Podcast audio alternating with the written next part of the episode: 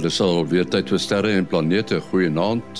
Ons sê naand aan Willie Koorts en ook aan Mati Hofman. Ons uh getroue span wat elke Sondag aand gesels. Willie, ek wil 'n uh, bietjie gesels oor 'n uh, begrip wat ons so nou en dan gebruik in ons program. 'n uh, sogenaamde note gravitasie versnelling. Die Engelse dit gravity assist. 'n Mens hoor dit dikwels as hulle 'n uh, satelliet uh, nog meer spoed wil gee. Uh, Verduidelik net 'n bietjie uh, hoe presies werk hierdie uh, tegnologie? Ja, dis reg, dit is nou 'n uh, um, ek wil sê 'n nuwe manier nie, maar dit is 'n dit is 'n dit is 'n 'n oulike manier om soos jy sê om om om baie brandstof te spaar. Die uh, die enigste nadeel van die uh, prosedure is dat dit vat jou net baie baie langer. Maar as jy nou nie haastig is nie, man, jy wil jou ruimtetuigie lekker vinnig kry, dan uh, uh, uh, sal jy hom dan nou uh, lanseer van die van die aarde af. Jy sal gewoonlik wat hulle doen is hulle gaan in 'n taamlike elliptiese baan en as hulle bo aan die verste punt van die ellips kom, dan vier hulle weer hulle motore en en hulle is op pad in die in die diep ruimte in. Gewoonlik dan nou as jy ander planete gaan besoek ensovoorts maar natuurlik die die die aantrekkingskrag van die aarde los jou nie. so jy jy is nog altyd besig om om om uiteindelik sal jy sal jy terugval aarde toe as jy nie as jy nie 'n ander plan maak en jou motore weer vuur nie. Nou uh dit is so half noem dit maar die die ou uh, metode gewees en en maar daarvoor het jy natuurlik baie brandstof nodig wat jy moet saamvat. So die prosedures wat hulle toe nou doen is dan sit hulle vir jou in 'n hoog genoeg baan sodat die ruimtetuig op 'n kol naby 'n ander planeet gaan verbykom. Um onthou die hele sonnestelsel is soos 'n klokwerk wat draai en hierdie uh ruimtetuigie van jou is is in 'n baan um wat uiteindelik maar maar terug wil, wil val aarde toe of natuurlik selfs na die na die son toe as jy as jy as jy ongelukkig is. So wat dan gebeur is die die ruimtetuig word dan um half op uh, uh, uh, 'n 'n 'n amper bots baan met 'n ander planeet uh gewoonlik gebruik hulle van die binneplanete as hulle wil uitgaan na die buiteplanete toe. So binneplanete Mercurius Venus en ons is aan die derde rots van die son af. So dit sal of uh, naby Mercurius of Venus gebeur en uh, partymal gebruik hulle selfs Mars. Dit dit uh, soos ek sê dis eintlik 'n amper bots baan wat jy hom sit die ruimtetuigie uh uh wat wanneer dit dan nader kom aan hierdie uh tweede planeet uh sal dit natuurlik dit begin aantrek maar jy moet natuurlik nou net seker maak dat jy gaan nou nie bots in daardie planeet nie want anders dan is jou planne dan onmiddellik op op hulle einde. So wat dit eintlik gebeur is jy um jy jy jy stuur dan af op 'n rakelingse uh, baan uh die planeet trek jou aan, maar jy maak natuurlik seker dat jy nie bots nie. So so soos jy inval kry jy spoed, dan dan mis jy eintlik die planeet soort van net net kan jy maar amper sê in in in ruimte terme en dan gaan jy in die ander kant uit. Uh jou baan word effens gebuig in die in die proses en en eintlik die dit klink nou okay, maar jy gaan mos nou weer al jou spoed verloor want die planeet gaan jy nou weer terugtrek as jy aan die ander kant verby is. Maar as jy nou mooi die sommetjies gaan maak, dan het jy eintlik 'n bietjie uh noem dit nou maar energie gesteel by daardie planeet. Nou nie dat hy dit sal enigstens agterkom nie, want dit is natuurlik massief, jy praat van uh, baie baie tonne se se massa teenoor jou jou uh ruimtetuig wat 'n paar honderd kilogram miskien weeg.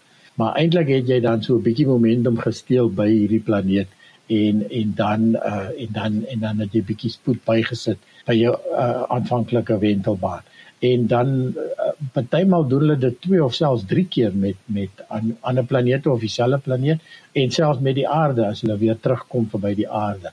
So ja, dis 'n dis 'n oulike manier om om doen met 'n bietjie energie te steel by 'n planeet om om jou ruimtetuig bietjie vinniger te kry. Ja, mens moet so ietsie meer as matriek wiskunde ken, hè. En dit dit is daai sommetjie wil ek nie nou nie maak nie. Dit sal dalk dit sal dalk aan 'n ontploffing eindig. Ek wil hulle bots eindig eerder. Ja, ja, ja dis waar. Onthou jy eh, Japie het destyds gepraat oor hierdie span mense wat by die Jet Propulsion Laboratory is wat die sogenaamde navigeerders is want ons het altyd gewonder hoe kry die ouens dit reg om sê maar Cassini uh te laat vlieg deur daardie waterspuite op Enceladus en lyk my die ouens mik daarvoor en dan vlieg hulle deur dit ja ja nee ek weet Japie het, het met groot ontzag gepraat van van van hierdie hierdie navigasiespanne en en uh, uh dit is definitief ouens wat hulle wat opgeleid het in die wiskunde klas. Daai is daai is verseker. Ek weet hulle het selfs een van hierdie um ek kan nie onthou wat een presies dit was nie, wat selfs deur die ringe, ek dink is Cassini, het deur die ringe van Saturnus gevlieg. Die, die ringe het natuurlik openinge. Uh um en dit kan jy van die aarde af met 'n teleskoop sien. So dit is wel uh ek weet nog nie wat is die grootte nie.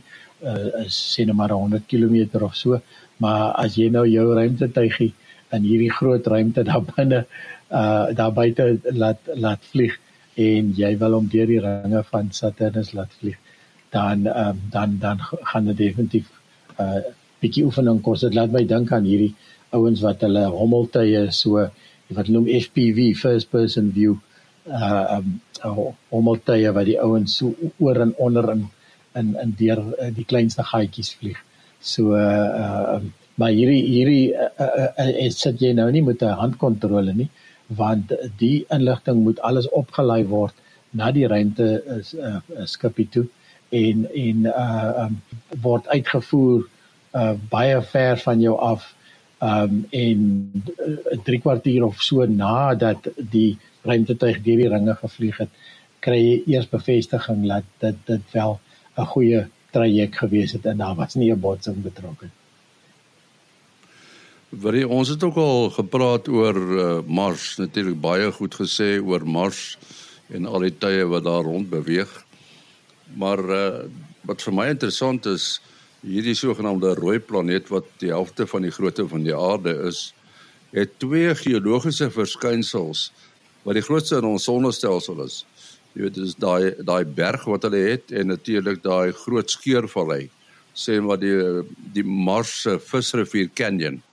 En wat vir my vreemd is is dat hierdie klein planeet relatief klein planeet hierdie geweldige geologiese voorwerpe het ja dis korrek. Ek is nou um, nou nie 'n geoloog om te om te weet presies hoe die goeters want daar is natuurlik nou natuurwette wat vir jou sê hoe hoe hoe hoog kan 'n berg wees en hoe styl kan 'n kan 'n vallei wees. Nou ek dink wat natuurlik bydra daar daar in daar daartoe is dat die feit dat Mars heelwat minder swaartekrag soos jy sê die die die, die, die helfte van die grootte van die aarde wat beteken dat dat die swaartekrag is is heelwat minder wat beteken dat ehm um, dat goeders uh, uh, uh, noem dit nou maar grond of kom ons dink aan sand wat jy 'n hoopie maak, uh, jy weet self as jy op die strand speel en jy maak 'n hoopie, die die hoopie loop, die sand loop af. So daar is 'n fisiese hoogte hoe hoog jy so 'n uh, 'n uh, sandhoopie kan maak op die aarde.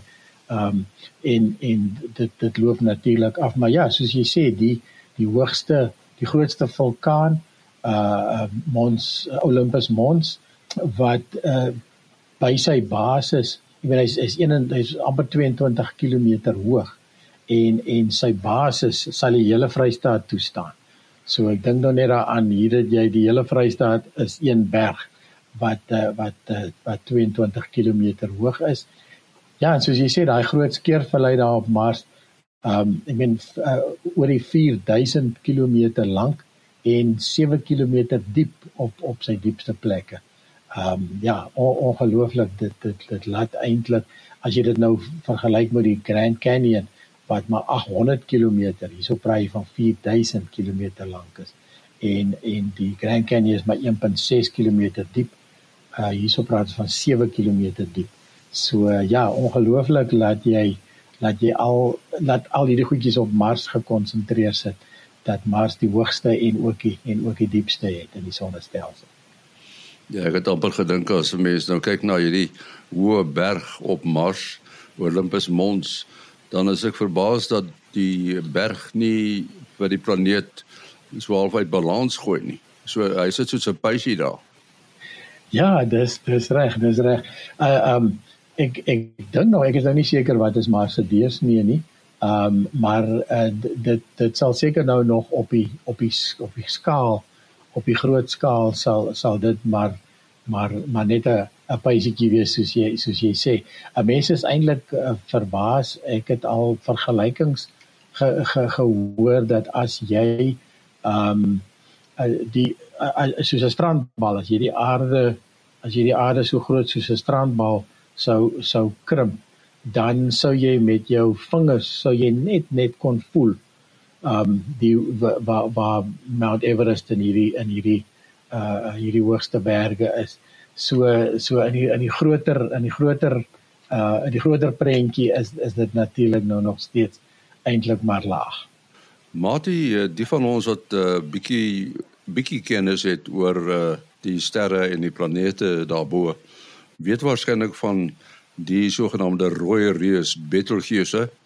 Nou hy is daar naby die uh Orion groep wil ek amper sê. En uh hy, hy het so 'n paar keer verdof en toe helderder geword. Uh kan kan jy onthou wat die rede is? Uh is daar 'n rede voor? Hy uh, Henny Betelgeuse is 'n uh, bekend as 'n wisselster met 'n periode van ongeveer 400 dae, so 'n bietjie meer as 'n jaar. So dit is 'n redelike uh, reëlmatige langtermyn pulsering van die ster. Uh dit is bekend as 'n rooi superreus wat nou in 'n taamlike laat fase van sy lewe is en waarvoor voorspel word ehm um, dat hy een of ander tyd uh as 'n supernova sal ontplof. Betelgeuse is so ek kan nou nie die presiese afstand onthou nie, maar al die helder sterre daar rondom Orion en die drie konings is hier in die orde van uh 1000 ligjare. Party bietjie verder, party bietjie nader. Uh so in elk geval hy's uh uh meer as net 'n paar honderd ligjare. Uh so dit is natuurlik nie onmoontlik dat hy al supernova kon gegaan het, maar ons weet dit nie. Maar volgens die inligting nou is dit nou nog nie heeltemal uh die tyd vir 'n supernova ontploffing. Maar in elk geval in 2019, toe was daar 'n bietjie drama. Wel, eerstens is sterrekundiges gewoonlik opgewonde vir enige iets wat verander. Want die dinge in die sterrehemel vind uh normaalweg baie stadig plaas. Ehm um, en as dit vinnig plaasvind, dan is dit baie baie selde wat dit gebeur. Ehm uh, So as mens nou baie naby aan 'n voorwerp is soos wat ons aan ons son is, dan kan mens nou dramatiese gebeure nou sien. Soos die die die son weer wat ons gereeld van hoor van Stefan daarvan die uh, van Sansa en Hermanus. Ehm um, maar die uh, sterre behalwe nou die son is te ver om nou daardie soort verskynsels te kan sien. Maar in elk geval in 2019 toe het hulle gesien uh, Betelgeuse het skielik heelwat dowwer geword uh, teenoor wat 'n mens sou kon verwag van die reëlmatige 400 uh, dag uh, pulserings. En dit was nie duidelik hoekom dit gebeur nie. Party mense het gedink dit is dalk nou 'n uh, voorskou van uh, van die feit dat hy nou begin in sy laaste fase ingaan van hom uh totaal te ontplof as 'n supernova en dan bly daar nou maar 'n neutronster of 'n gravitasiekolk agter afhangende van die totale massa van die van die ster. Kyk, maar nou is dit 3 jaar later en as uh daardie dramatiese gebeure van 2019 het hulle toe uh, kon begin sien dit is dan moes materiaal uitgeskiet gewees het uh vanuit Betelgeuse wat toe nou uh afgekoel het en dan uh die lig in die agtergrond 'n bietjie uitgedoof het. So dis sover hulle kon aflei in 2019. 3 jaar se studie later uh het Betelgeuse nou 'n mate begin herstel, maar veral danksy die Hubble teleskoop se waarnemings het hulle tot die gevolgtrekking ge, uh, gekom dat Betelgeuse het sy top geblaas, as ons dit nou so kan kan stel. 'n Groot deel van die ster se uh, sigbare oppervlak uh daai buiteste laag wat mens basies maak dat jy die ster sien en ons sien dit as 'n 'n rooi 'n rooi ster.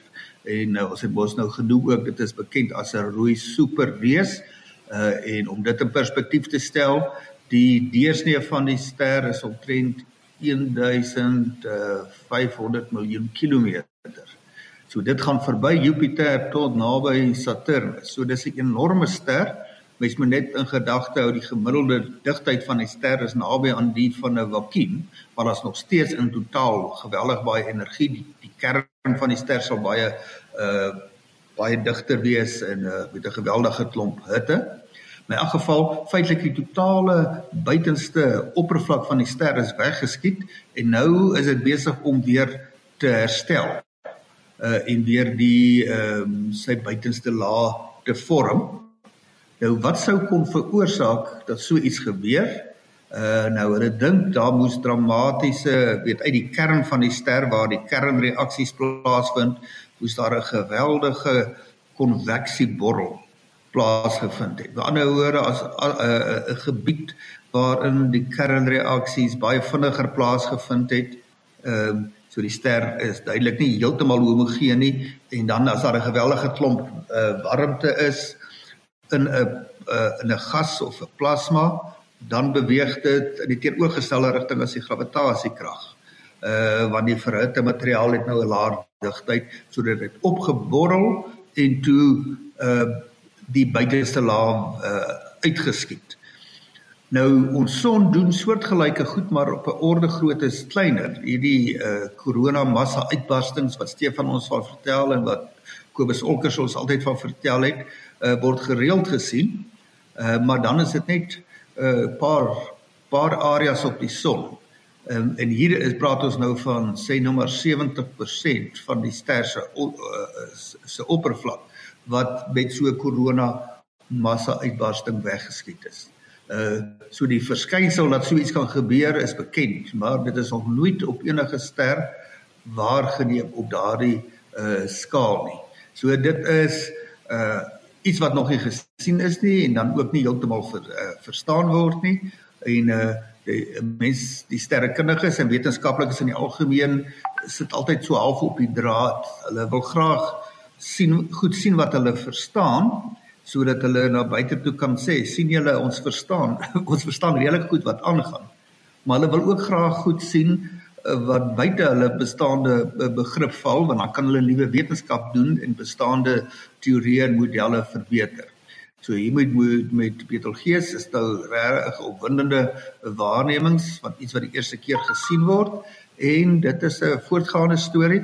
Uh die totale proses het nog nie voltooi nie. En miskien oor 'n paar honderd jaar ons kan nie so ver heeltemal dink in menslike geskiedenis terme nie is die mense nog besig om kop te krap oor Betelgeuse uh en intussen tyd bou ons uh, inligting by en beter modelle by van wat daar aan die gang is. Ja, dis interessant. Wat die uh die James Webb teleskoop uh Hy stuur natuurlik 'n uh, hele klompie data af aarde toe en ek dink 'n mens kan na hierdie data kyk en ek dink is in 'n noem dit nou maar 'n rou vorm. Uh kan 'n mens kyk op die op die uh, NASA webwerf. Maar uh, die data, hoe word dit word nou afgestuur, maar iewers moet dit gestoor word, nê? Nee? Ja, dis korrek en en ehm um, ons het mos nou die dag al uh, gehoor uh, soos jy sê ook by by ehm um, by Anton Kokemoer uh, wat vir ons lekker verduidelik het hoe hoe hulle die data verwerk en dan wat ook moet afgelei word en so aan en en ja soos soos jy gesê het hy het ook gesê dat dat 'n mens kan op die ehm um, NASA se webwerf gaan kyk om te sien wat wat uh, waar jy nou die beelde kan kry en so aan. Ek sien op YouTube is daar 'n paar kanale. Hulle hulle gee dit voor dat dit lewendig is maar nou ja dis klaar verwerkte beelde. Soos wat uh, uh, Anton vir ons die hele proses van van van vertel het. Ehm um, daar is ook uh, as as 'n mens uh, nou baie belangstel in in waarna gaan die James Webb kyk en wanneer as jy net Google uh, JWST vir James Webb Space Telescope observing schedules. Ehm um, dan kan jy elke kan jy sien hoe beplan hulle wanneer gaan hulle na wat kyk ensovoorts. Ehm um, en en ja, dit is nogal baie interessant. So die ruimte die ruimte uh, uh tuig self is dit mos nou maar amper 30 jaar gevat om te bou. So die tegnologie op 'n stadium gaan jy mos nou maar besluit goed, dit is die tegnologie die ons gaan hom nou vries op hierdie op hierdie weergawe en ons ontwikkel hom nou ten volle hiervandaan. En en so dit wil sê jy kry dat uh, baie maal op so 'n nuwe ruimte tuig is eintlik baie ou tegnologie want ehm um, want jy soos ek sê jy moet op 'n kol jou besluit na maak. Die James Webb uh, self het nogal uh, 'n SSD, 'n uh, uh, solid state drive. Dis nou die nuutste tipe harde skywe wat jy nou deesdae kry. Wat maar soos 'n geheuestokkie is, maar nou net net bietjie groter en beter. Die goed sal uit die aard van die saak dan in die in die moet moet die ruimte verhard wees wat hulle space hardening.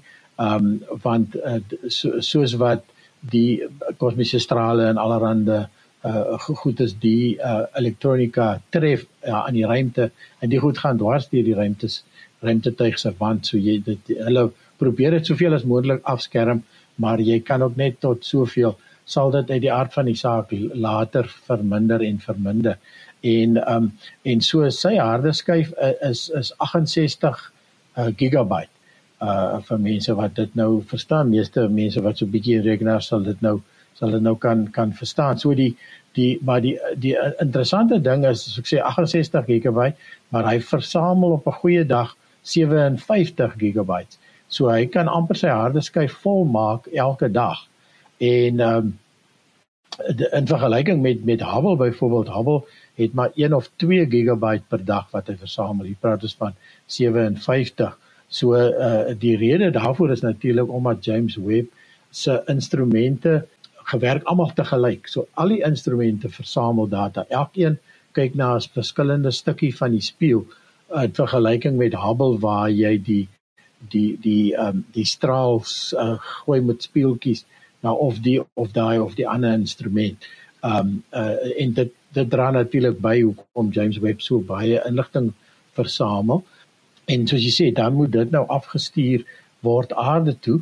Nou ehm um, ons het al voorheen daar van genoem maar as mense ehm um, net Google uh, DSN of Deep Space Network ehm um, en dan is daar 'n oulike die die drie uh, stasies uh, een in Madrid Spanje, een in Goldstone Amerika en dan die een Canberra in in Australië is dan die drie stasies uh, ontvangstasies waar die groot skottels tot 70 meter skottels staan wat um, die data aflaai. En dit is nogal vreeslik oulik as jy nou dan daarso op dit gaan soos wat ons nou hier uh, opneem is ons is is Canberra in Amerika, ag in, in Australië is se een um, skottel skottel nommer 34 besig om te, om met die James Webb uh, uh data te versamel. Dit uh, is eintlik interessant as jy nou hierso klik kan jy nou al die inligting kry 1.63 km ver is die is die teleskoop. Die uh, da, data vat 1 10.84 sekondes om die, om by die aarde uit te kom en dan het hy uh, hy besig om op en af te laai. So daar is 'n opsyn wat uh, wat teen 16 uh, kilobits per sekonde hardloop. Uh, jy gee vir die frekwensie en die seinsterkte en alles amper 5 kilowatt se krag wat uitgesit word wat om tot by die uh, James Webb uit te kom. Maar die interessante ding, die afspoed is 28 megabytes per sekonde wat nogal hoog is en dit beteken dat die um, James Webb het gewoonlik 2 4 uur sessies per dag wat die data afgelaai word. So omdat die harde skyf omtrent vol is, moet hulle elke dag hom leegmaak. Anders te gaan jy data verloor en jy gaan nie so 'n duur teleskoop onnodig, jy gaan nie data weggooi nie. So daar is 2 4 uur sessies per dag wat die data dan afgelaai word, die helfte van die data en dan die ander helfte in die in die in die volgende sessie. Ja, so die die uh die die die stelsel werk interessant en soos ek sê jy kan hom selfs op die internet dophou.